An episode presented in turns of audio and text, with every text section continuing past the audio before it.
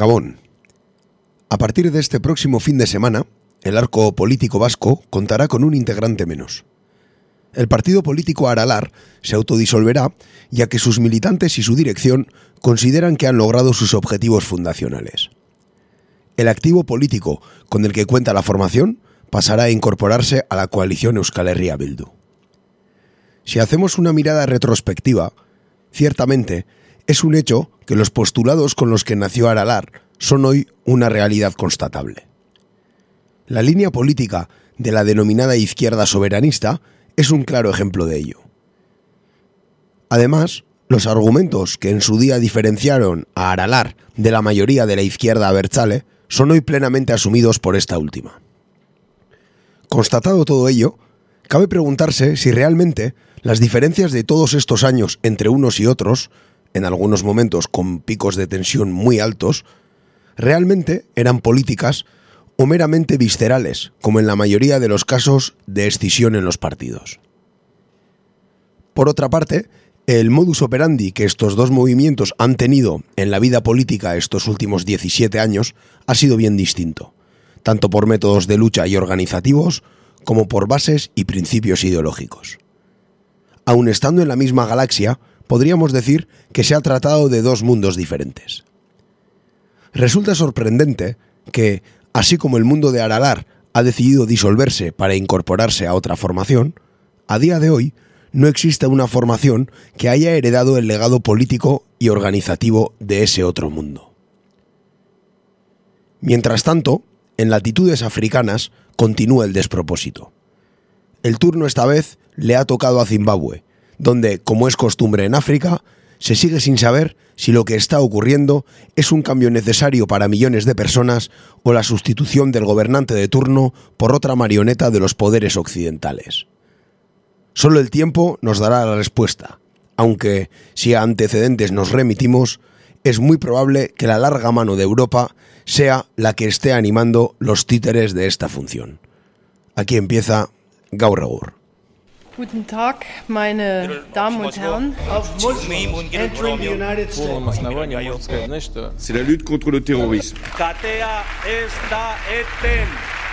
Agirre, garaikoetxea, leizaola. Gaur Egur. Gaur Egur. Gaur egur. jolasten eta enredando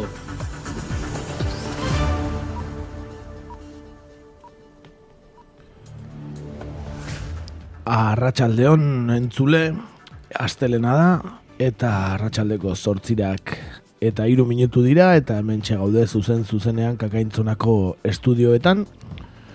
Eguerdian entzuten ari bazara, aste arte eguerdian, errepikapena entzuten ari zara, laru bat goizean ere bai, eta internetez entzuten ari bazara, ba, egune oro, e, era guztietara ere ongi etorri, Eta bergaran atxarra atxaldeko seietan igandetan txapa irratian ere entzuten gaituzte, ba, ongi etorri zuei ere, deba goienako ba, lagun maiteok. Eta ba, beste astelen batez, ba, hemen aktualidadea jorratzeko gogoz gatoz, gaur bi bakarrik, e, irugarrenanka falta zaigu. Hori da, eh, gabon guztioi, bueno, gure korrespontsala, eh, ba, bueno, eh, berri ere bere lanak egitera joan da, eta gaurkoan ba, ez da gurekin izango. Mundua ezagutzera joan omen da, ezta? Behar dugu eta gure programaren eta bueno, ba, beretik jartzen ari da. Hori da, eta ba, bio gaude, baino bio gogotxu eta egurra partitzeko gogoz, hotza egiten du kanpoan eta zu bajurako egur ugari ekarri dugu. Eta besterik gabe, ba, bertan gaur era pasako gara, hemen Euskal Herriko gaiak jorratzera.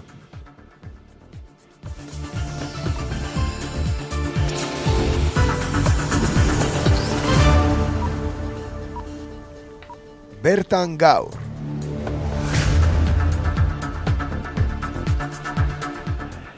Eta ba editorialean aipatu bezala, ba Aralarren amaiera ari buruz hitz egingo dugu.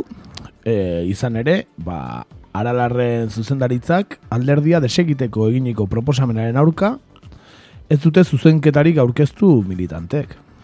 Ba ez, eta datorren larun batean, eh, amagost urteko ibilbideari ba amaiera emango dio aralarrek. Alderdia desegiteko egungo zuzendaritzak eginiko proposamena eztabaidatuko dute zazpigarren biltzarrean partu, parte hartuko duten afiliatuek. Hori izango dute bosketarako puntu bakarra, eta ez ustekorik ezean ba aurrera aterako dute.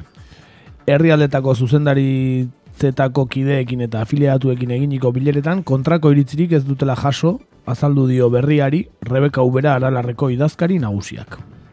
Bilera lasaiak izan dira, espero genuena, baino harrera hobea izan du proposamenak, esan du Rebeka Uberak. Batzarrera begira inork ez du aurkeztu alderdia desegitaren aurkako zuzenketarik ere. Osokoak baino ezin zitezken egin, alderdi gisa jarraitu ala ez jarri duelako e, eztabaidan zuzendaritzak. Baina testua, zuzentzeko, txukuntzeko eta aberasteko asmoz ekarpenak eta eskaerak egin zi- zitezkeen eta bakarra jaso dute. Aralarren ezkerra berri fundazioaren geroaren ingurukoa. Begi honez hartu du hori zuzendaritzak. Proposamenak egiteko EPA azaroaren amarrean amaitu zen eta afiliatuei azaroaren hogeian bidali zieten dokumentazioa. Iruñako baluarte jauregian egingo dute batzarra goizeko bederatziak eta laurdenetatik aurrera. Uberak azaldu duenez, zuzendaritzako kideak harrituta daude osoko zuzenketarik ez eta proposamen bakarra jaso dutelako.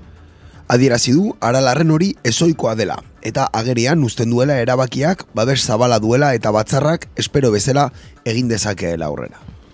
Zuzendaritzak bere txostenean dio koherentziaz jokatzen dutela deseginda, bete dituztelako sorrerako xedeak.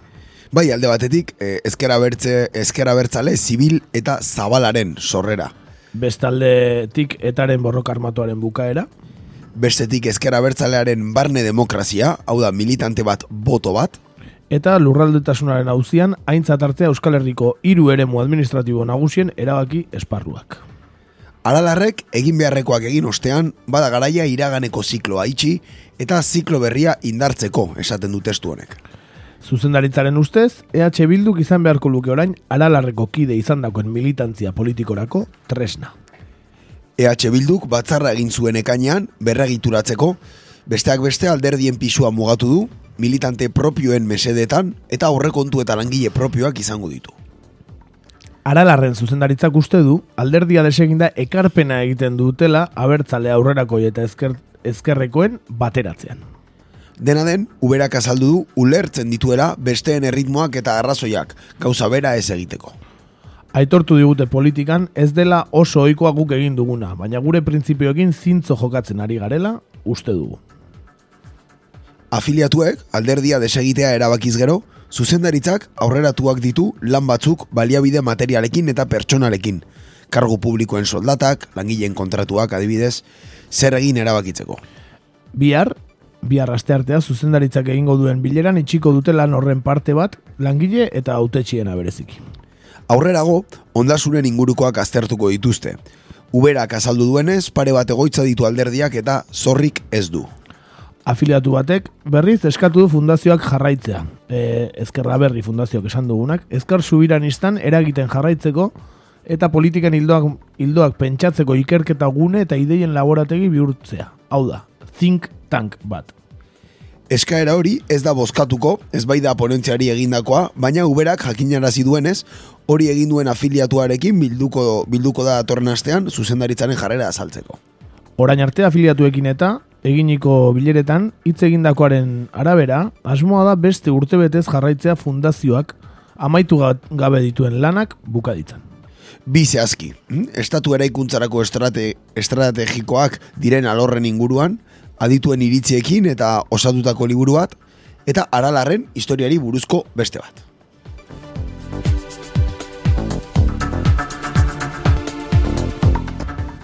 Beno, ba, zer esan e, aralarren desegiteaz. Alde batetikan, mm, nik onartzen diot, e, esaten dituenak sortzeko arrazoiak bete direla ezkerra bertzaleren barruan. Gehiago edo gutxiago, baina e, nik uste dut objetiboki ikusi daitekela bete direla.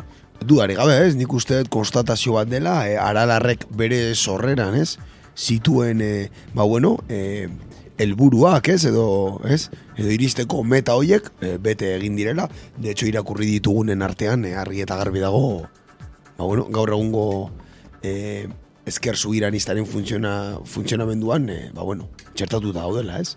Bai, era bat, gaina, e, eta esan behar da, badirudi orain, e, ba, hauek ezakit zer esan zutela, baina e, orain dela ama urte, ez zegoen horrela ezkerra bertale, inundik inora. Inundik inora. Eta gehiago esango dugu, e, bastanteko gatazka, barne gatazkak egon ziren, bueno, estizio bat izan zen, aralar e, beste alderdi bat bezala aurkeztu zen, gero koalizioa gero gau zen, baino, Duari gabe, baino bai, ezker bai. abertzale eta aralar, e, e, desberdinduta joan ziren hauteskundeetara. Ba, eta gehiago, hainbat e, ilegalizazioen garai horretan, hainbat udaletxetan, e, aralarrek udaletxearen, e, ba, bueno, gestioa e, hartu zuen, ezkera bertzale horren, ez, batasunaren bere garai hortan, e, bosken anulazioaren ondorioz. Mm? Adibidez, esan nahi dut, oso mo- momentu tensoak, ez, egon Bai, direla eta goratu ezagun, bildu sortu zenean, Eusko Alkartasunarekin e, joan zela ezkerra bertzale klasikoa, batasuna edo sortu orain dena edo nahi duguna, eta e, aralarra letzera joan, aralarra letzera joan. Bai. Adibidez, e, zumarragan, e, zinegotzi da gehiago aterako zuten hauteskunde haietan, e, aralar e, bildurekin batera joan balitz. Eta ez joategatik ez zuten atera.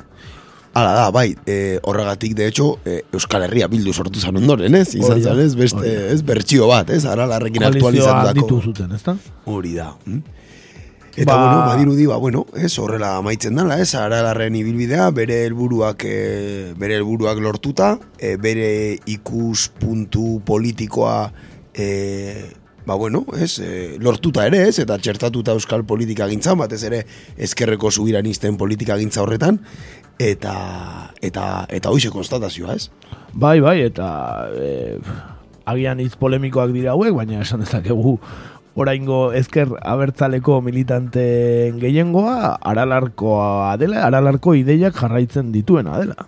Dudare gabe. no? Polemikarako hitzak dira, baina baina nala da. E, Ez, zeren, nik, de hecho, ez dut uste iritzi bat ere danik, baizik eta konstatazio bat. Ez, e, aralarren postulado historikoekin, e, argi dago, bai gaur egur, barkatu gaur egun, bai, bai sortuk, ez? Eta bai ezkera bertzaleak bere osotasunean e, onartzen dituera aralarren, e, ba bueno, fundazioko e, irizpide horiek. Beraz nik uste dut konstatatzea dela besterik, ez?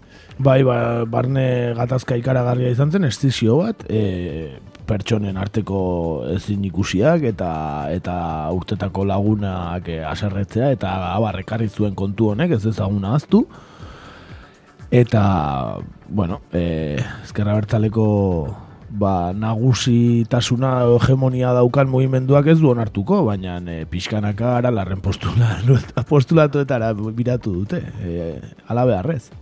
Duari gabe, hori da, hoxe ez, alabearrez horrela izan da, eta eta berriro esaten dut, konstatazio bat dela, ez dela e, iritzi kontu bat, baizik ez da, eta, bueno, ba, hemeroteka kontu bat ere, ez?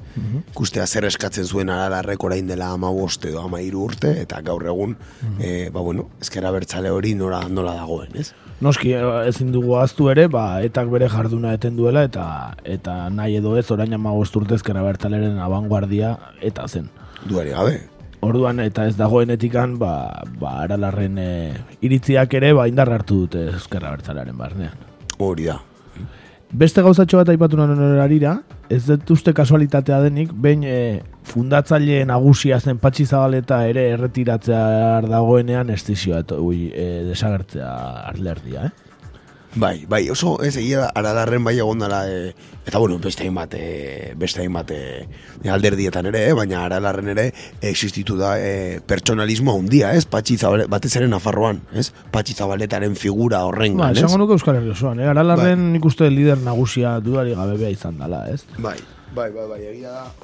Egia berak, eh, ez? Berak, eh, ba, bueno, enkarnatu duela, ez? Aralarren postura hori, e, bueno, berazan herri batasunako sortzaileetako bat, eta horrek ere eman zion potestadea estizio bat egiteko, ez? Hau da, berak bazuen hor eh, prestigio bat eta eta maila bat, ez? Ezkera bertzalearen barruan, eta, eta bueno, ba, berak egin zuen estizio hau, eta, eta oso zentratuta egon da bere pertsona, gero pertsona gehiago ere etorri ziren, batzuk ikusi dugun nola amaitu duten, e, aintzan ez denarro adibide, Ba, adibidez, baina ez? etorri ziren gehienak eh, ez daude orain bizitza publikoan, eh? Politikoa, bizitza politikoan, eh? Aintzan ezen arro dago, baino, baino ezkerra bertzalea eretik bastante urruti, Bai. ez? Beste, beste saltza batzuetan sartuta. Bai. Baina akordatzen naiz, Mikel Basabe, Jon Abril, eh, hor Mhm. mm pixkat izen hartu zutena garalarren, oie danak e, aralarretik kanpo edo bintzat ez, da, ez dira... politika gintzan jarduten, ez? Hori da, hori Hori da. bai, da. dago e, excepzioren bat, ez? Baina gehiengoak Ba, ez Rebeka Ubera bera izan daiteke bakarrenetakoa. Bai, bai. Ba, hoiek izan ziren, ba, zinegotziak atera zituzten lehenengoak, eta horrela, ez, aralarren, esango nuke. Bai, eta eusko jaurlaritzan ere ez, e, lortutako emaitza hoien... Hiru izan zituzten, parlamentario. Ge- Gehiago uste dut zirela, bai, bai, oso, bai, bai, izan zen e, ikaragarrizko e, emaitza izan zen. Ura, e, esker, bueno, e, batasuna iragalizatuta zegoen e, une horretan, bai? Bai, bai, izan zen, buma hundia izan zen bere garaian. Gero, bai, zutikekin joan zen, zutikekin ere gero gaizki bukaztu zuten, uste dut, ze zutike gero alternatiban sartu zen, horrelako gauzaren bat. Hori uste dut nik ere, ba, ez? bai. Movimentu asko egon ziren hor, e, eta orain badirudi danak, koalizioa esaten dute, baino iaia alderdi bihurtu den EH Bildun batu dira. Hori da, bai, ez indarre akumulazio horretarako baliatzen zen, e, ba bueno, tresna hori, koalizio hori ja, esan dezakegu, geroz eta eta alderdiaren itxura gehiago daukala, ez? Ja, esan bezala, e, komentatzen genuen moduan, bere struktura propioak ditu, bere langile propioak, bere, ez, e, a- alor ekonomiko propioa, hau da, ja, ez da alderdi asko kosatzen duten, e, nola, gune bat, ez? Ja, geroz eta alderdiago da, ez? Esan Bai, dugu. eta gainera, esaten dugunean, e, arrazoia eman zaiora ara larri, nik uste, ez, dut- ez, nik behintzat ez dut esaten, jendea izorratzeagatik edo, baina e, e, sortuk atera dituen poten, e, ponentzietan ere, ba, lurraldetasunari dagokionez, e, ba, Naparroak erakitzeko ez, e, bat, e, ba, autonomia elkidoakin batu edo ez, hori dana arala hasi zen horrelakoekin, eta ora, sortuk berak egiten du proposamena ez bilduk, eh? Sortuk berak egindako proposamenak dira hildo hortakoak. Ba, bai, dudari gabe, dudari gabe hor bai egon dela e, bai, bai, ideologikoki edo ez, e, e, gauzak egiteko moduan, bai egon dela jarraipen bat, aralarrek diseinatutakoari. ez? Hori da, esan nahi duguna da, ez dala bildun arrazoia mantzaio aralarri baizik eta movimendu guztiek joa, e, biratu dutela alde hortara. Eta horren alde ez zeuden noiek ez dakigu nun dauden edo edo harrela jarraitzen baute pentsatzen ba ze alderditakoak sentitzen diren edo alderdi berri bat sortzear dagoen edo edo non geratzen den beste sensibilitateetako bat ezkerra bertzalekoa ba agian aralarreko ideia hauekin adosetzegoena. Bai, egia da, soziologikoki aztertzeko gaia izango dela, eta eta egia da oso deigarria dela, ez? Nola sektore baten, e, nola esan, ibilbidea markatu daiteken, baina beste sektore baten ibilbidea ez den, e, ez den argia. Hau da, soziologikoki ez dago esparru politiko bat, lehen, e, ba bueno, e, inguru horretan zegoen jendearentzat, ez? Eta, eta hori egia esan nahiko, nahiko bitxia da, ez? Nahiko bitxia da, sektore politiko bat herrialde batean desagertzea, ez?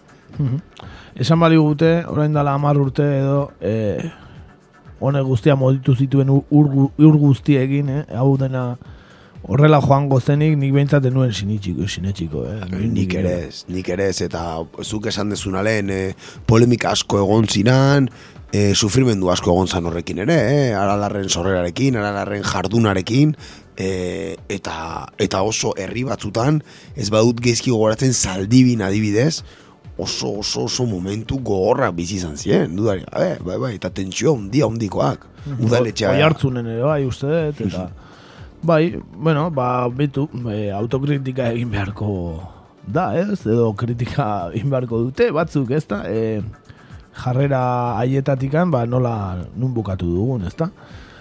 Baina, bueno, batzuetan ala beharrak ekartzen du bakoitza bere tokira, eh? ez da izaten, eh, ez? Agian orain amar urte beste gauza batzu pentsatzen zituzten e, orduko zuzendaritzakoek e, orain e, beste gauza bat pentsatzen dute. Zuzendaritzak ere aldatu dira. dudari gabe, dudari gabe, eta, eta bueno, eta hildo politikoak, eta borroka moldeak, eta, eta esate baterako dena aldatu da, ez? E, e, azken berrogeita hamar urtetan bizitako, ez? Ba, bueno, giro politiko hori aldatu da, era bat, azken. Aldatzen ari da. esango Hori da, jarraitzen du aldatzen, hori da, ez? Eta ez dakigu nun bukatuko duen. Ez, hori ez dakigu. Baina, batzuei agian mine emango dientzuteak, baina aralarre, aralarrek arrazoi izan du edo bentsat aralarren mo, e, ideatara bildu da ezkera bertzalea. Ba, bai, dudari gabe, eta hori onartuta dago publikoki, esan edut, eh? ez esplizitoki, baina onartu diren testuetan, ponentzietan, eta eta erabiltzen den argumentarioan dudari gabe, ba, bueno, aralarren eh, tesiak daude, hori dudarik uste ez dagoela hortan, konstatazioa da. Bueno, honekin nahikoa esan da urrengoa albistera, albistera pasako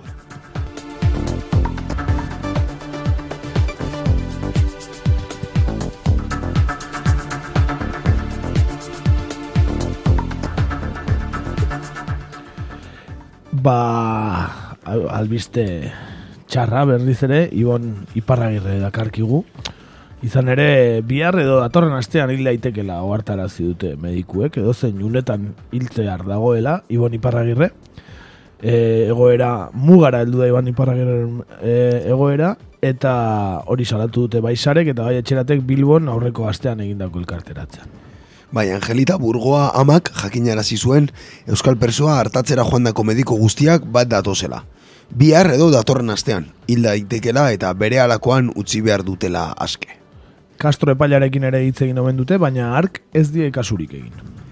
Protestan parte hartu zuten Ela Lab, Comisiones Obreras, Esteilas, Iru, UGT, Etxalde, ESK eta N sindikatuetako ordezkariak. Ez dugu onartuko Iban Iparragirreren Iparragirre espetxean hiltzea. Berehala askatu behar dute, adierazi zuen Garbina Aranburu labeko idazkari nagusiak. Madrilen ere preso ondarruararen e, egoera izan zuten izpide senatuko barne gaietarako batzordean. EH Bilduko senatari den Jon Iñarrituk egin zion galdera segurtasunerako estatu idazkari den Jose Antonio Nietori. Iñarrituk salatu zuen kartzeletako zaintzako arduradunak eta Jose Luis Castro epaiak elkarri egozten diotela ardura, eta bitartean presoaren egoera kokerrera egite jarraitzen duela. Nietok ordea presoaren bizitza arriskuan dagoela onartu zuen arren, zehaztu zuen iparragirre bera dela botika hartzeari uko egin diona.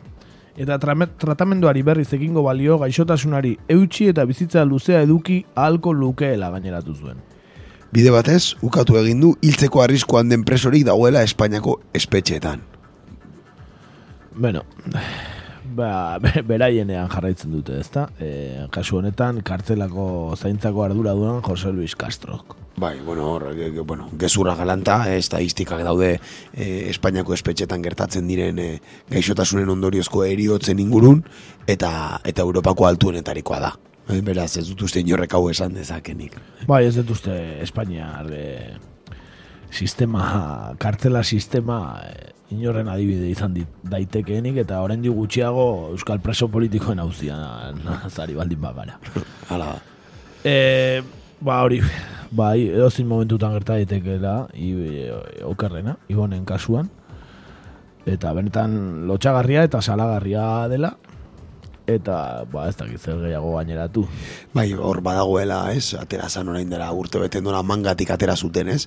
E, ba, bueno, e, preso gaixo bat egon ezkero, e, konprobatu beharko litzatekela bi hilabeteko bizitza besterik ez, ez hitzaiola gelditzen, ba, askatu ahal izateko, ez? Eta nora hori ere, ba, ba bueno, e, deklarazio bat besterik etzen, esan nahi dut hemen e, Ibon Iparagiraren kasuan, medikuek esaten duten bezala, edo zein momentutan izan daike, eta eta ez dute askatuko, ez dute askatuko kasu honetan, e, ba, bueno, beraien jarrera nahiko argia delako, ez?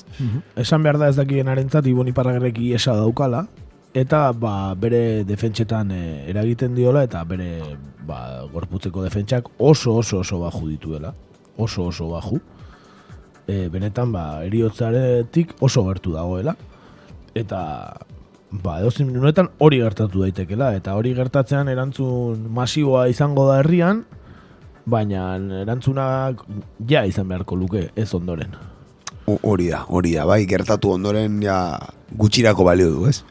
Bai, bai, balio du amorrua adierazteko, baina e, konponbiderik ez dauka. Konponbidea oraingoz badauka.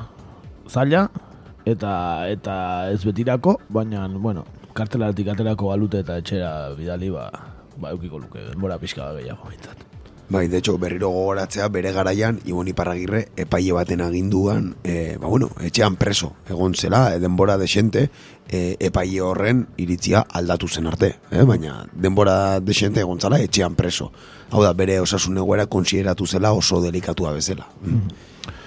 Guazen beste albiste batekin, e, hau ere presoi dagokiena, izan ere txuma altabe presoari ukatu egin diote amari bisita egiteko eskaria.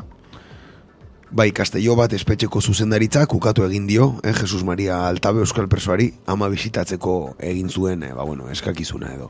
Amak laro eta amabi urte ditu eta Parkinson, Parkinsonenko gaitza du, du eta semea etxetik bosteun da berrogeita mar kilometrora dute preso. Etxeratek agerraldia egin zuen, egoeraren berri emateko eta debekua onartezina dela azaldu zuen. Espetxe zuzendaritzari presoen eskubidekin jolasteari usteko eskatu zuen Euskal Presoen seniden elkarteak. Bai, izan ere Espainiako auzitegi nazionaleko fiskaltzak egindako txostenaren arabera, zenideengatik gertugo egoteko espetxe aldaketa eskatzeko baldintzak betetzen ditu txuma altabek. Alaber, espetxe zaintzako epailean jarrera salatu zuen etxeratek, behin eta berriro atzeratu dutelako prozedura. Europako Parlamentuak onarturiko Bergeron txostena ekarri du gogora etxeratek agerraldian. Zeinak urruntze politika presoaren senideentzat zigor erantxia dela azaltzen baituen. Salbu espen neurriak amaitzeko ere eskatu zuten. Guztira, laro maika euskal presok duten nola baiteko gaitza, horietako amairu gaixotasun larriak. Beraz oixe. Eh? Eta esan gaixotasun larria dituztenekin, bueno, Frantzian e, hartu zutela erabakiren bat orain dela bihazte, ezta? E, gradu aldaketa edo... Bai, bai, gauza, ez, gauza hori ematen du, badirudi, ba, bueno, rekonsieratzen ari dela, ez, Frantziako justizia eh, ministerioak, bai, bai, preso gaixoekin, eta baita ere, e, ba, hori, segurtasun handiko presoekin edo e, hartutako jarrera ere hor dago, ez, disminuzio bat egonda beraien, e, beraien regimenean, eta, eta bueno, ba, adibide garbiena da, adibidez, gauean bi orduro e, esnatzeari utziko dutela, bai?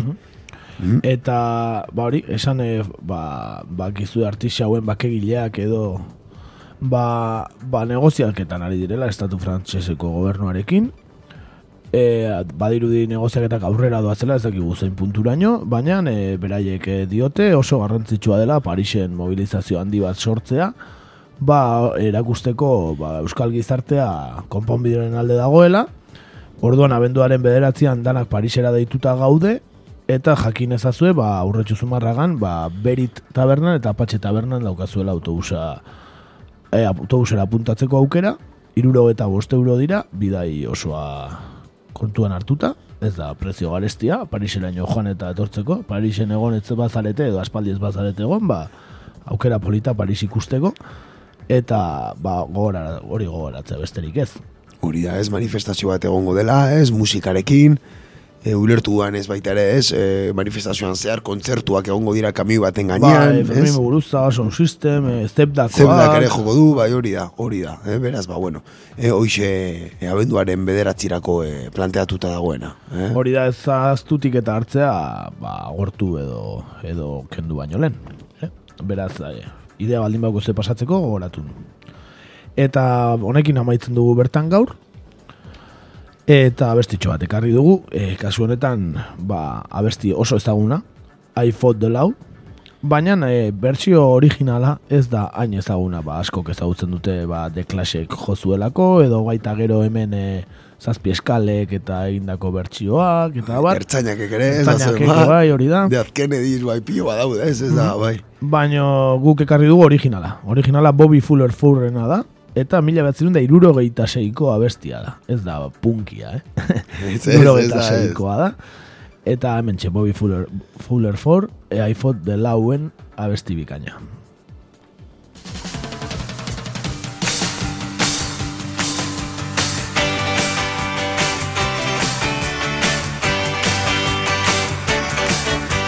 Breaking rocks in the hot sun.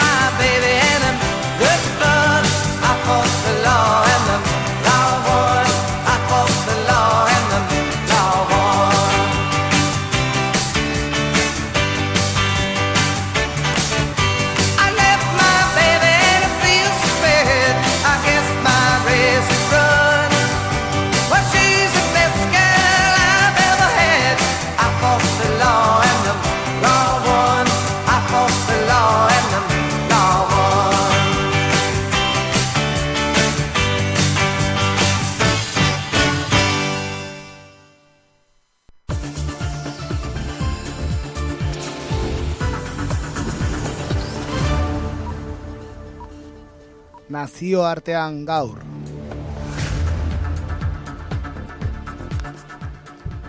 Bueno, pues pasamos, ¿eh? como todas las semanas, a nuestra sección internacional. Y bueno, pues hoy volvemos ¿eh? al continente olvidado, ¿eh? a, África.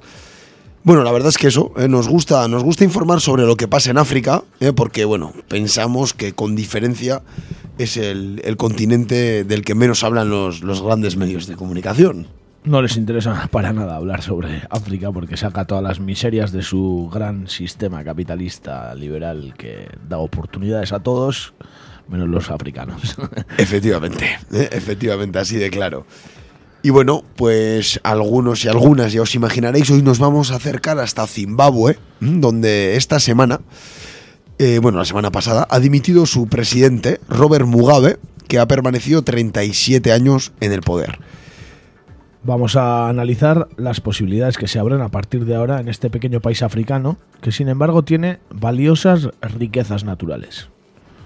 Sí, la República de Zimbabue, para situarnos un poco, es, es un país de poco más de 10 millones de habitantes, situado al sureste de África y que hace frontera con Sudáfrica, Botsuana, Zambia y Mozambique. Es uno de los países con menor índice de desarrollo humano del mundo, teniendo graves carencias en sanidad, educación y altos niveles de pobreza. Zimbabue se independizó del Reino Unido en 1980 y desde entonces su presidente siempre ha sido Robert Mugabe. Fue jefe del gobierno entre 1980 y 87 y a partir de entonces fue nombrado presidente de la República hasta la semana pasada. Sí, Robert Mugabe nació en 1924 en Rhodesia del Sur, de la que era parte Zimbabue, y es hijo de un matrimonio católico. Robert Mugabe ha sido definido como una combinación de pensador marxista y jesuita. Es considerado un hombre culto y lo cierto es que consiguió establecer el mejor sistema de educación pública del continente africano. Sí, eh, durante su estancia de 11 años en prisión, eh, tras haber sido arrestado por su actividad clandestina contra el gobierno supremacista de Rhodesia del Sur, eh, que iba de la mano del gobierno del apartheid de Sudáfrica, eh, pues bueno, él eh, consiguió, consiguió acumular seis títulos universitarios. Mugabe incidió en el reparto de tierras a su llegada al poder, ya que entonces el 1% de la población de raza blanca acumulaba el 70% de la riqueza. Sí, se expropiaron las tierras a la minoría blanca y se produjeron episodios violentos instigados por el propio Mugabe contra esa minoría. La manera en la que se realizaron estas expropiaciones conllevó una caída importante en la producción de alimentos, mientras Zimbabue pasaba por una hambruna, lo cual se le recriminaría a Mugabe. Sí, por, por otra parte, se supo años más tarde que durante esa hambruna, Mugabe y su mujer expropiaron, expropiaron, expropiaron perdonad, cinco fincas en cuyos terrenos construyeron un palacio. Pero el despilfarro no es el único pecado que se le atribuye a Mugabe. La represión contra sus opositores y contra las movilizaciones populares y las constantes denuncias de fraude electoral también son parte de su mandato. Sí, a nivel internacional se puede decir que ha ido granjeándose enemistades a lo largo de los años. En los años 80 rechazó involucrarse en una alianza con la URSS y siempre quiso ver a Zimbabue entre los países no alineados. Su participación como parte interesada en el conflicto de la República Democrática del Congo a finales de los 90, apoyando al entonces presidente Logon Kabila, con cuyo gobierno había firmado un contrato de 200 millones de dólares para empresas de su propiedad y de su familia, pues bueno, no hizo más que sumar enemigos a, a su lista. Y es que Estados Unidos quería la caída de Kabila, a consecuencia de lo cual provocó la caída de la economía zimbabuense. Sí, se puede decir que desde entonces Zimbabue ha ido cuesta abajo y sin frenos. El hundimiento económico del país ha llegado a límites deplorables. En 2008, la esperanza de vida en el país era de 36 años. El índice de mortalidad infantil hasta los 10 años era de un 65, uy, 650 por mil. Y la inflación se calculaba en un 10.000% anual. Son cifras increíbles, ¿eh? cifras increíbles. Eh, para colmo, la tasa de desempleo entre la población adulta era de un 80%. Un hecho significativo fue la celebración en el año 2009 del cumpleaños del presidente Robert Mugabe, rodeado de miles de seguidores en una lujosa fiesta, mientras el país se encontraba en la situación que os hemos descrito. Sí, se calculó que el coste de esta sonada fiesta, en la cual no faltaron langostas, pato o caviar, fue superior a 250 mil dólares. Ese mismo día, el mismo día de la fiesta, Zimbabue pedía a diferentes países de la Unión Africana un préstamo de 2.000 millones de dólares para poder restablecer los sistemas de educación, salud y aguas. Otra de las batallas de Mugabe ha sido contra los derechos de la comunidad LGTBI. Sí, la represión contra el movimiento ha sido constante e incluso se han aprobado leyes nacionales contra la sodomía, claramente dirigidas a la criminalización de la homosexualidad. Mugabe ha calificado la homosexualidad de cultura inmoral y no africana.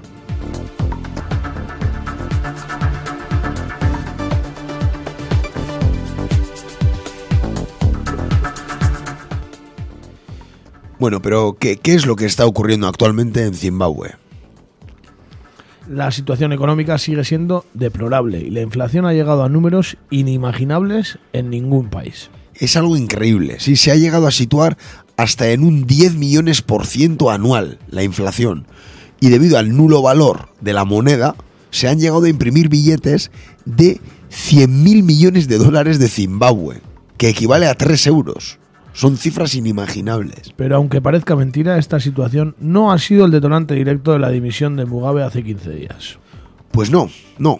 La, la clave de la situación está en Grace Mugabe, segunda esposa del presidente zimbabuense, que había sido señalada por el propio Mugabe como su sucesora en el poder el 4 de noviembre.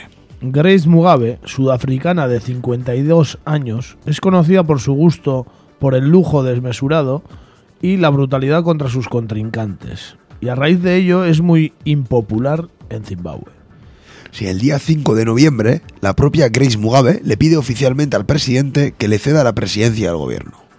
Ese mismo día, el vicepresidente Emerson Mangagwa es, destituido como colofón a una estrategia del presidente para despejar el camino a su esposa tanto en el gobierno como dentro de su partido, en el cual había literalmente barrido a cualquiera que hubiera que pudiera hacer sombra a su querida esposa.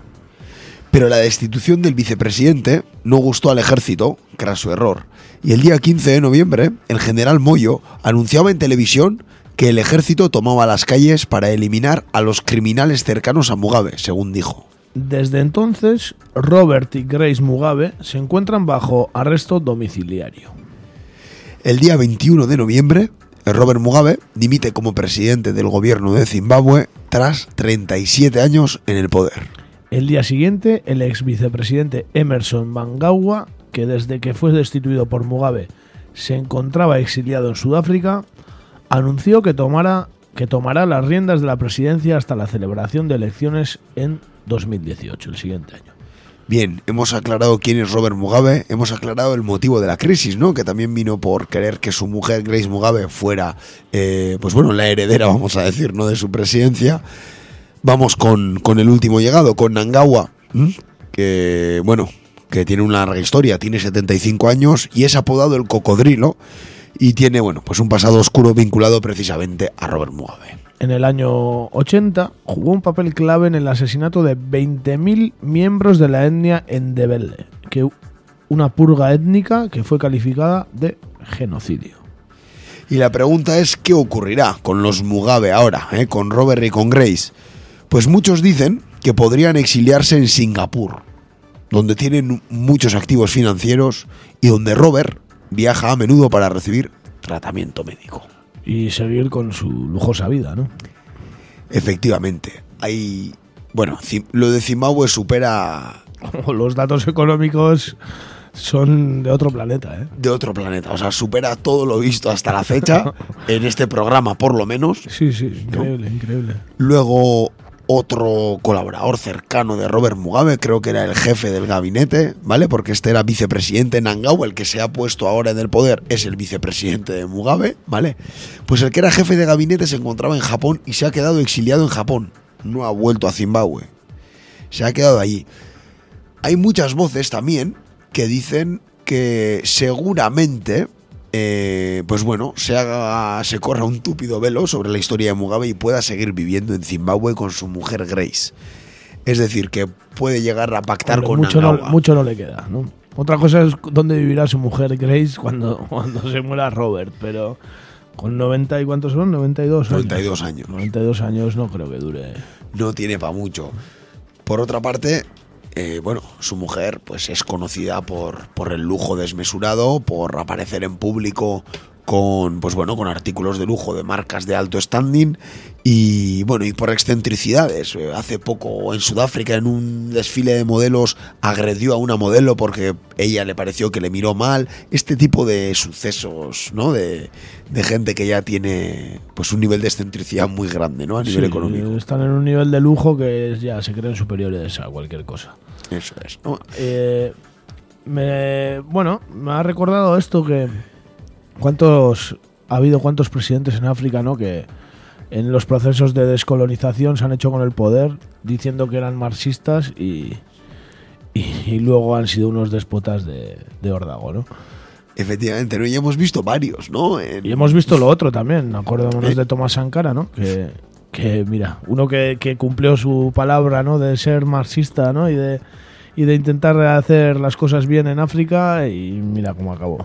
No, acabó, no llegó a los 92 años con una, con una mujer que podía ser su, su heredera, ¿no? Efectivamente, efectivamente. Sí, fue, bueno, la asesinaron en cuatro años y medio, ¿no?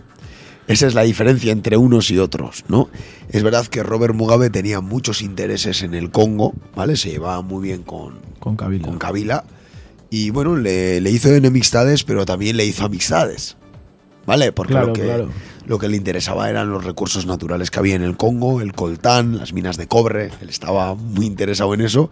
Y hizo sus negocios con potencias occidentales, obviamente. Parece ser que, no sé si en Singapur o dónde, pero tiene bastante, ¿no? Bastante patrimonio, ¿no? Sí, sí, se dice que tiene mucho dinero amasado en Singapur y es a donde va, eh, donde se trata eh, de las dolencias que puede tener una persona de 92 años, claro. Luego, por otra parte, está el contexto ya de lo que ha pasado, ¿no? Y en realidad no es muy halagüeño. Realmente lo que está ocurriendo en, en Zimbabue, eh, por poner un ejemplo con algo de lo que ya hemos hablado en este programa, ¿no? Eh, por ejemplo, en el año 2014, lo que ocurrió en Burkina Faso, ¿vale? Que fue, pues bueno, una revuelta popular que, consiguió, eh, pues bueno, derrocar al presidente, ¿no? A Compaoré, consiguieron echarle y había una masa popular detrás, sindicatos, partidos, ¿sí?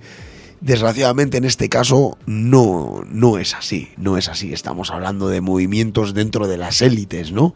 Está el ejército por un lado, está Nangawa por otro lado, que es más de lo mismo, por lo cual desgraciadamente tiene toda la pinta de que cambiará el rostro, pero, pero el estado seguirá siendo el mismo. Pero es que han, han hecho de Zimbabue un país tan miserable, ¿no?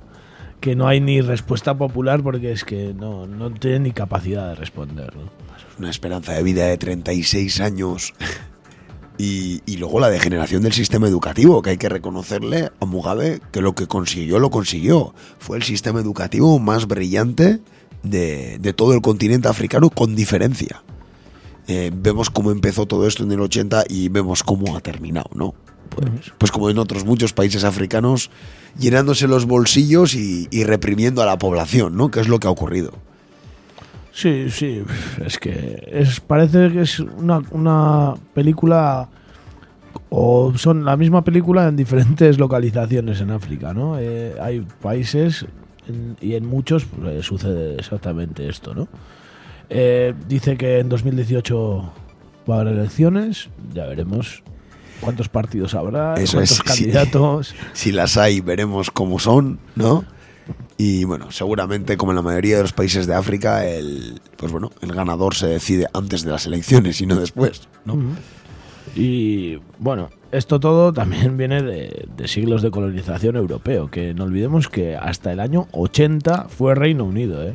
hasta Muy- antes de ayer. ¿eh? Muy, muy tarde, sí, hasta, hasta antes de ayer fue Reino Unido. De hecho, creo que permaneció en la Commonwealth, ¿vale? Eh, hasta el año 95, si no me Se equivoco. llevaba bien con la Queen Elizabeth, ¿no? Pues los primeros 15 años parece ser que tuvieron sus, sus estos, sus tratos. Eh, salió, Zimbabue salió de la Commonwealth por una, por una polémica, una polémica precisamente con Mugabe, ¿vale? Algunos tratos que no recuerdo muy bien con qué país que no gustaron, ¿no? En esos países y bueno, pues acabó saliéndose. Cómo se mueve todo el mundo por intereses económicos. Es una pasada. Es increíble, pero, pero cierto. Es por lo único que es. Ya dijimos una vez que es la única patria que tienen algunos es el dinero. Y eso sí que ahí no hay razas, ni religiones, ni nada que valga. Es Eso, lo más internacionalista que existe, Sin duda, es eso el parece. dinero. El poder y el dinero. desgraciadamente. Bueno, pues esto de Zimbabue y hemos traído una canción, ¿no? Sí, sí, tenemos, tenemos una canción. eh, vamos a tener que confesar, ¿no? Que hemos tenido la duda de poner una fantástica canción de Bob Marley que se llama Zimbabue, ¿verdad? Exactamente. ¿No?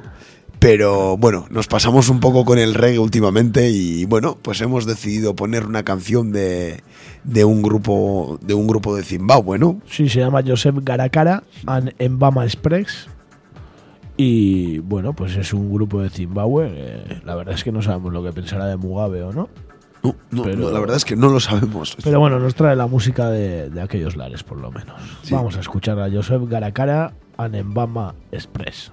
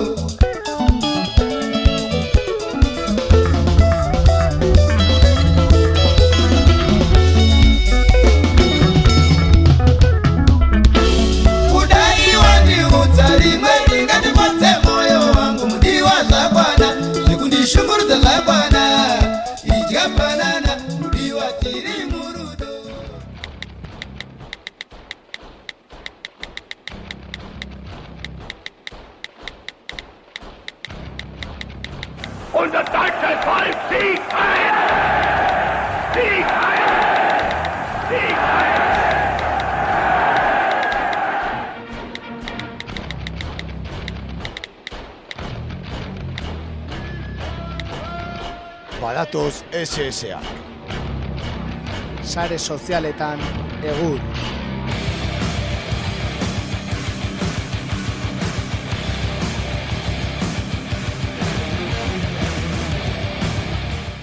Ba, bai, sare sozialetan egur eta gaurkoan ere karritugu lauzpa bost. E, iru gai, bezala, e, e, dira sare sozialetakoak lehenengo gaia ba, ba fiskalak hiltzen ari direla. Ez dakigu, konplot bat den, Hor, epidemi bat, o gaixotasun berri bat, o fiskalitis, o no da ez dakit, ez dakit. E, igual, e, Zera, hacker ruso que kontratatu dituzten bezala Kataluniako independentistak, ez? E, Espainiar medio batzuek esaten duten moduan, agian beste zeo zer ere kontratatu dute, ez dakit. Polonio tazak, eh? Asunto Errusiarrek. hortaz, eh? Claro, hackerretaz gaina ber sobratzen den polonio pixkat, ez? La vuelta del Polonio. Eta horrekin, ba, kontua da Digital Sevillak hori esate zuela, ez? E, e, ba, komunikadibea da, Digital Sevilla. Eh, José María Romero de Tejada ha muerto por causas naturales y no se le practicará autopsia. Esaten zuen, ez? Ba, hori, e, Kataluniako fiskal nagusia, ez? Hilda, eta Espainiarko fiskal nagusia hiltzan orain bihazte. Bai, de hecho, hau bere hietan egon zan. Bai lehen entzun no, e, Ba. Polonioa ordu horre, horre, horre bilitzen. Eta Don Michel Erregea gure ba, sekzioan eh, nahiko oikoa denak eh, esaten du normal. Si dices por qué se ha muerto, ¿para qué le vas a hacer la autopsia? ¿No? Eh, para mirar cómo es por dentro. Efectivamente. Sí, compras un libro de anatomía. es que gaina usted leucemia edo zeukala, ez? Ah, bai, ah, bai, ah, vale, vale, ez Uste dikier. baiet, eh? Uste nuen zala, hola, eh, oza, repentino hietako bat. Usted, usted, ez nago seguro, eh? Igual, igual, igual konfundituta nago, eh? Baina, bueno, fiskalak erortzen ari dela, eh? Langile, Ui, la- ba. lanbide... Lanbide... Arriskatua. Arrisku, arriskutsua, bai, bai. Desde luego. Estiklos Iturgaitzek ere hoxe decían, compañeros, vamos con una ronda informativa con minuto y resultado de los fiscales. Vale, desde, desde luego, desde luego. Hombre, más de uno tiene que estar acojonado, gauza die modun, ez? bai, bai, Bate bai. mateo mardu, eh, era bat beldurtuta. ba. Nego horazit, bago eh, manga serie japones bat, Death Note, deitzen dana. Bai. Bastante famoso egin da, oain pelikulatan, uste dut dut. Eta hor, ba, gazte bati iriste zaio kuaderno bat, nun izena idazten badu, ba, hiliten da e, pertsona edo zein, ez?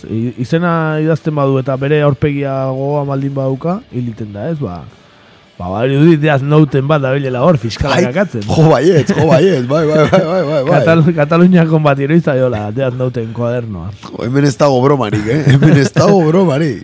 Eta, ba, hori xe, ba, ba, kontuz, fiskala baldin bazara, te, tentu zibili, joan zaitez medikoaren gana. Ai, biztazo bat, txekeo bat, revisio bat, analisi batzuk. Zer zer egin beharko duzu. Al loro. Bien, bueno, vamos con, ¿eh? con, otra, con otra de las redes sociales. ¿eh? Es de Geek Indignado y decía, así es como Gabriel Rufián en menos de 30 segundos se carga toda la campaña electoral de Podemos en Cataluña. Y lo vamos a escuchar porque es muy difícil explicarlo, es mucho mejor escucharlo. Sí, es, eh, es en TV3 y es eh, un cara a cara que hacen en TV3 y es Rufián, Sí. Gabriel Rufián con Echenique de Podemos, Pablo Echenique. Sí, que De no canta, ¿no? En esta. No, creo que no, No, canta. vale, la vale, de, vale. ¿qué- cómo, ¿Cuál cantaba? La de Sácame la teta. dom- Chúpame la venga, dominga, que ¿no? vengo ¿Eh? de Francia. Bueno, en fin. Bueno. Dentro de las canciones del verano, eh, ahí quedó. Estaba la ¿eh? de Chenique, Eso eso es. Bueno, pues eh, nada, pues tienen un cara a cara y bueno, pues le deja yo creo que bastante en evidencia a Rufián a Echenique, pero bueno, vamos a escucharla a ver Vamos, qué, vamos. qué opinan nuestros oyentes.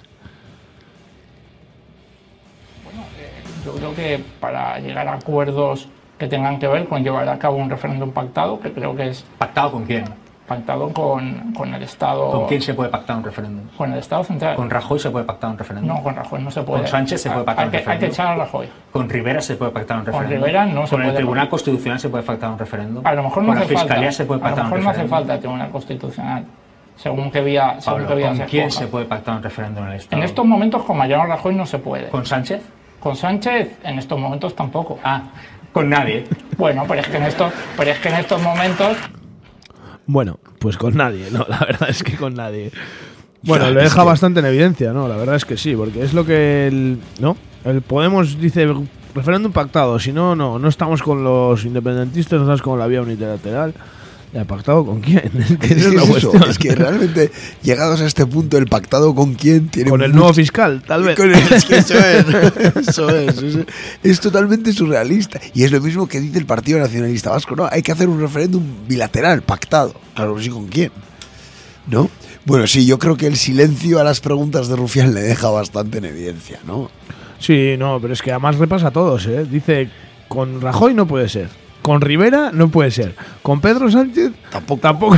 Con el Tribunal Constitucional, con el Tribunal... ¿Con quién? ¿No? ¿Con quién vas a pactar, no? ¿Con No. quién? Bueno, ahora que vienen a- con el Caganet, puedes pactar un referéndum, porque, ¿no? A ver, ¿qué es Con? Aznar, ¿no? Que vuelve a salir por ahí por haciendo comentarios, ¿no? Creo. Eh, está- es que habla catalán en la intimidad. Claro, claro. Entonces, Además, lo pronuncia bien. además. Pronuncia bien. Bueno, pues Rufián haciendo de las suyas, ¿no? Eh, la verdad, es un, Sí, es no. un buen Rufián. Es un rufián, es un rufián. Hay que decir las cosas como son, es un rufián. Sí, la verdad es que pone a todos en evidencia, ¿no? Con su ironía y... Sí, es una dialéctica, eso es, muy irónica y, y muy directa, ¿eh? No, no, no es, no busca la conciliación permanentemente, No, es, para nada. es de atacar, es un tío de atacar, sí. Sí, sí. Parece que lo han contratado de hacer monólogos, lo han, lo han fichado a RC. parece. Eso es, sí, sí, desde luego. Bueno, la actualidad catalana que, bueno, está en un impasse, ¿eh? Después de tantas semanas hablando de Cataluña, ahora estamos en campaña total. Sí, una campaña de autonómicas. Sí, bastante sosa. ¿No? Eso es, o sea. Y por ahora con pocos hachazos entre unos y otros, entre los independentistas tampoco, pero también empezarán, porque querrán repartirse el pastel. Pronto se abrirá la veda. Esquerra tiene, bueno, por ahora un buen cacho del pastel, ¿eh? Del roscón de Reyes, tres Sí, cuartas parece. partes son para ellos. Sí, parece, sí, la verdad es que sí. Bueno, pues... Guazen azkenarekin, Aurrera. e, birazuregik esate zuen, e, negar egin dut amorruz amaiaren gero arte bideoa ikustean. Elkar zaintzen jarraituko dugu amaia, gero eta hobeto. Besarka bat etxeko hasi gara atzera kontaketa egiten. Eta municipal punti, punitibistei betiko mespretsua, miserableak, esaten du.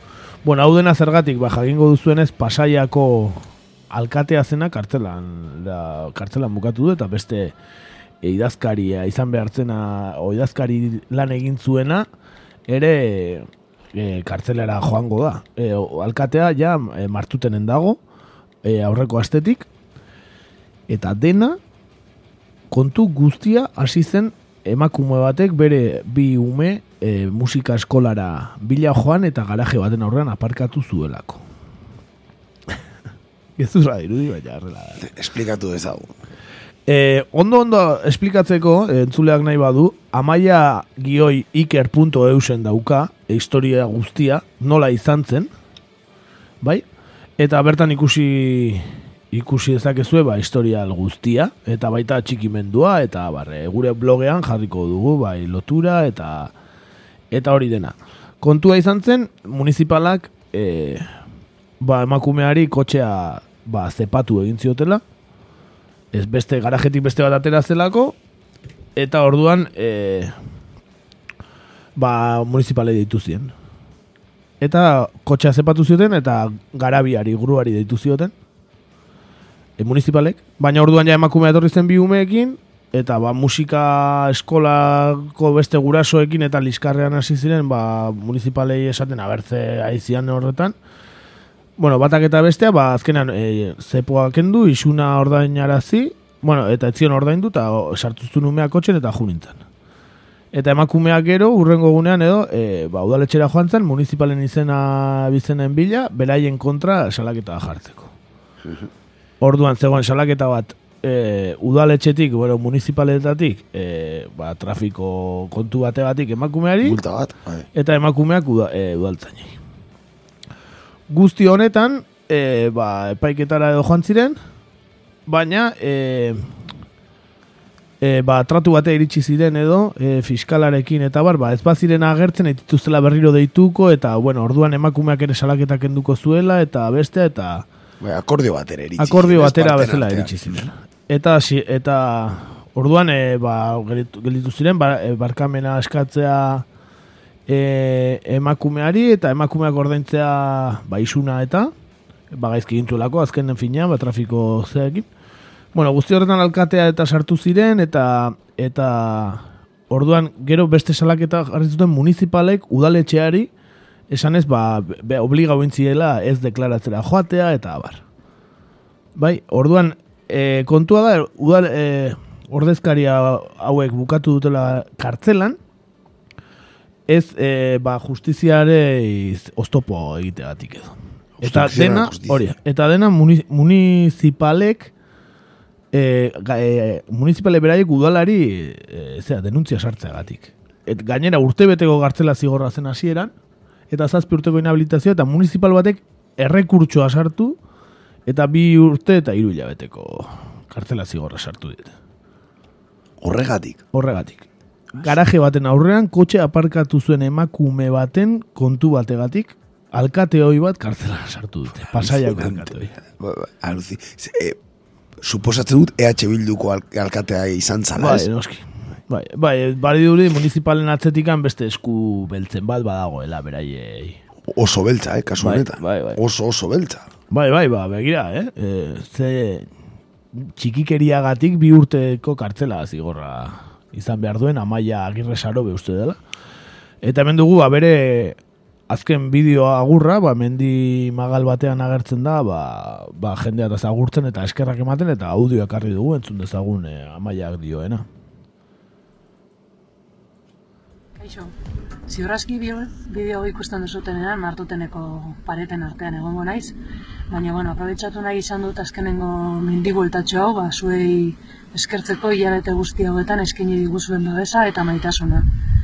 Pues hamar urte izango dira justu-justu garai hauetan lantxora iritsi ginela, herri baten bila, gure familia aurrera eramateko herri, bila, herri baten bila, eta herri hori topatu egin genuen. Zuek zarete gure herria, Eta, bueno, ba, berriro ere eskertu, e, maitasun guzti hau, elkartasun guzti hau, jakizue egin duzuen gauza bakoitzak, sinadura bakoitzak, besarkada bakoitzak, keinu bakoitzak, ba, bere balioa izan duela, indartsu gaude, indartsu goaz, eta indartsuago bueltatuko gara. Mila esker guztioi eta laizter arte. Muxu bat. Beno, ba, hortxe, e, amaiaren mezua. Benetan, e, bueno, sare sozialak gehienetan ba, humoretik hartzen saiatzen gara, baina hau benetan e, albisten lotxagarria da. Eh? lotxagarria. Sare sozialetan ekarri dugu, ba, ez genukalako tarterik beste inun sartzeko, eta baina karagarria, elkate hoi bat, e, garaje baten aurrean beste emakume bateko kotxe aparka duzuelako bi urte eta pikoko kartzela zigorrean geratzea, non berez ba, akordio batera iritsi ziren, ez, eta denak ba, ba emakumeak isuna ordaindu eta pakea, ez? Gainera, e, ba, e, bueno, protokolo bat egin zuten, ba, kotxeak horrela gertatzen daren, ba, nola jokatu municipalek, eta ez, ba, ba nik uste udal batek egin behar duena, ez? E, Dudari, gabe. Zeren gainera municipalak lehen momentuan gaizki egin zuten. Ez zuketen e, eskumenik e, kotxea zepatzeko, ez gero ezin ez behar ez zioten, e, ez zioten joaten utzi behar, bueno, e, municipalak ere ez zutela beraien lana ondo egin. Orduan, e, ba, ba, azkenan kartzelan bukatu du alkateak, berez e, zer ikusirik ez zeuken e, kaleko, ez, e, ba, trafiko kontu horretan, ba, gehien bat esan dezakegu, ba, municipal hauen jarrera batik, nire ustez. Jo, hemen kontu ibiltzeko bueno, kontu ibili bar da edozein kontuarekin, ez? En kasu honetan oso gauza e, bueno, ni mino batengatik, ez? Bai, bai. Nola bi urte baino gehiago espetxera joan zaitezken, ez?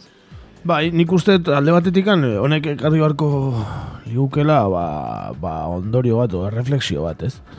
Eta da nola, ba orain arte aguazila bezala ezagutzen genuen pertsona hori, ba nola orain ja polizia bihurtu den, eta batzuek ba, uste dute, ba, ez dakit, ba, umetan Terminator gustatuko zaien, edo Robocop, edo ez dakit zer, baina uste dute, diala, bueno, esaten dan salvapatrias bat, ez? Bai, bai, autoridadeari gusto, gustoa azkar hartzen diote batzuk, ez? Eta egia gure herrian ere, ez? Urretxu zumarragan kasu, ez dakigu bergara nola izango den, baina urretxu zumarragan kasu, ez? Existitzen direla ere, ez? Horlako gerozta gehiago, ez? Poliziaren perfila duten, ez? Polizia municipal. Polizia jartzen die, ja, ez da?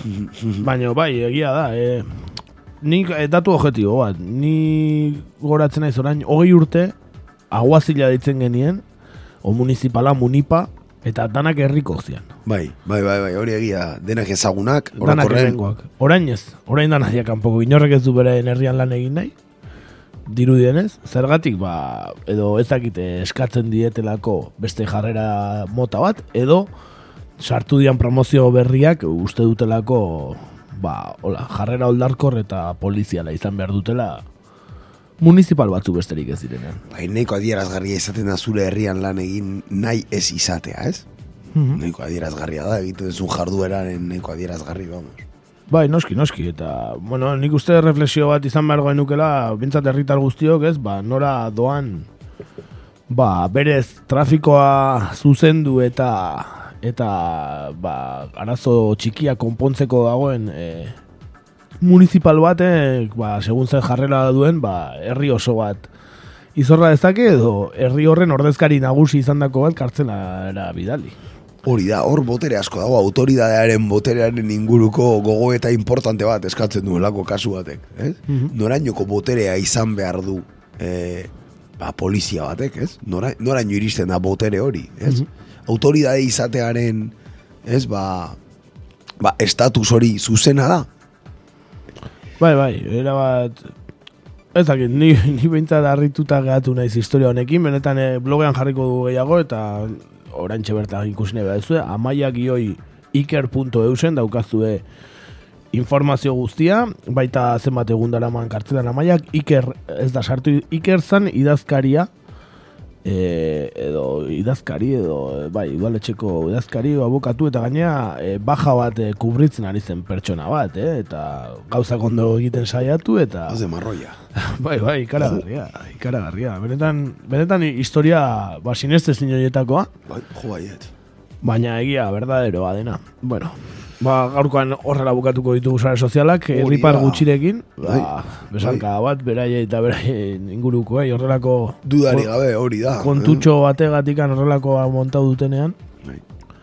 benetan lotxagarria. Beno, ba, honekin amaituko dugu, e, abesti bat ekarri dugu, e, gaur ekarri dut, ba, dator aurreko astean atera zen disko berri bateko abesti bat ekarri dugu. Audienz taldea da, e, Gernikatik, Gernikarrak eta Isla disko atera dute, ez dakigu Isla zergatik ditu duten, baina baliteke izatea Kuban grabatu dutelako. Eta beraien ba, erregistrotik pixkat aldendu dira, badauka diskoa entzuten ibili naiz gaur eta eta badauka audientzen e, musika hori, baina bueno, abesti batzuk e, ba, Kuba go, karibeñoagoa dira, eh? salsa eta barra ekarri dugun hau ere, ba, oso kubakoa da, ez, du, ez dirudi audientz denik, e, audientz entzun duenaren zat bintzat, e, ez zuen asmatuko ba, audientz denik. Eta bueno, talde nahiko famatua da Euskal Herrian, bide huts zigilupean labilen hoietakoa, bastante disko dituzte, eta orain durangoko azoka ere gertu dagoen honetan, ba, disko berriak agertzen ari dira. Eta hau bat, eta, bueno, ba, erritmo alai eta kubatarrekin, ba, gernikar hauek ekarriko diguten erritmo hauekin, bukatuko du horko irratsaioa. Hori da, eh, hause izan da dena gaurkoz, eh, betiko moduan, mi esker horregoteagatik, eta, bueno, ba, urrengo, urrengo astean entzungo gea. Hori da, urrengo azten entzongo gaituzue, e, irugarren katorriko delakoan, usten baldin badiogu. Hori da, hori da. Eta, ba, besterik ez. Audientzen, el 3, el quinto y el tumbo. Abestiarekin, uste zaituzteko, gozatu. Ondo izan, gaizto izan. Agur.